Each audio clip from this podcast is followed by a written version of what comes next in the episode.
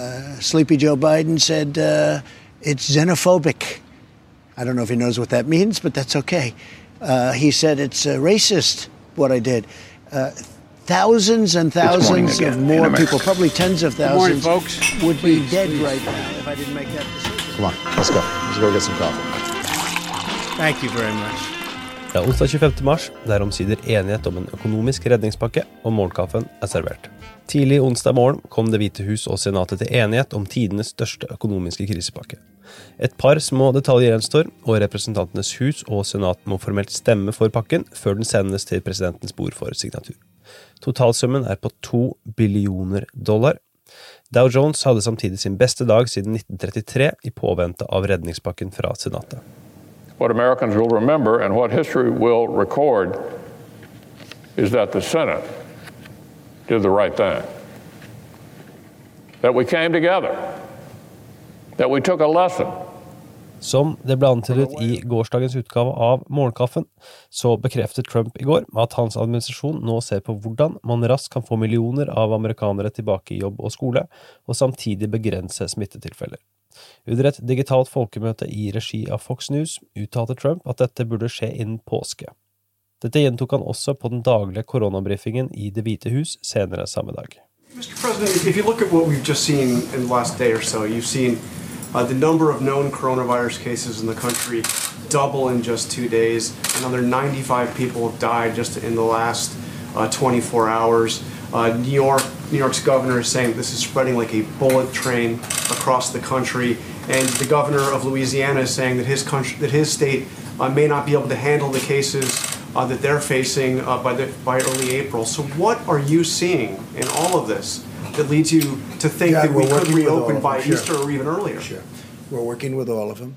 We can be talking about large sections of our country because there are sections of our country that you didn't talk about that are doing unbelievably well. They have very little incidence or problem, uh, very small numbers.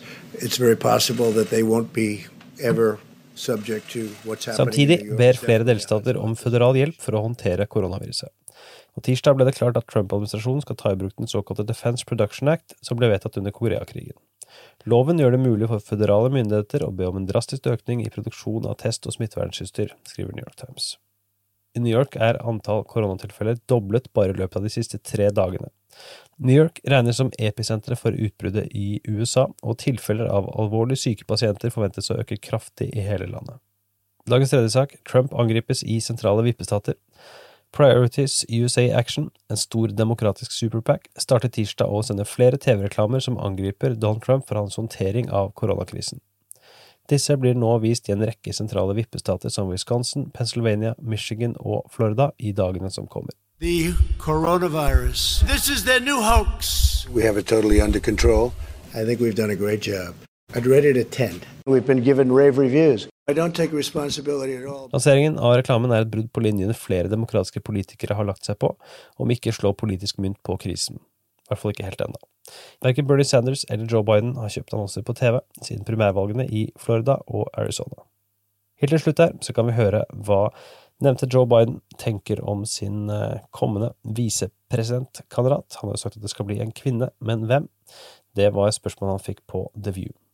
A short list of women you can talk to us about that maybe you'll start vetting soon?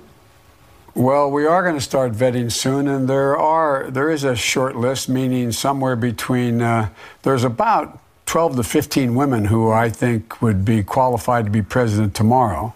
Um, but I think we're going to narrow the list down to about 11. We're going to start vetting soon. But what I don't want to do, Whoopi, is to start to name people and then raise expectations. Uh, um, but there, uh, you know, I, I've learned a couple things. The only thing I know a little bit about is the vice presidency.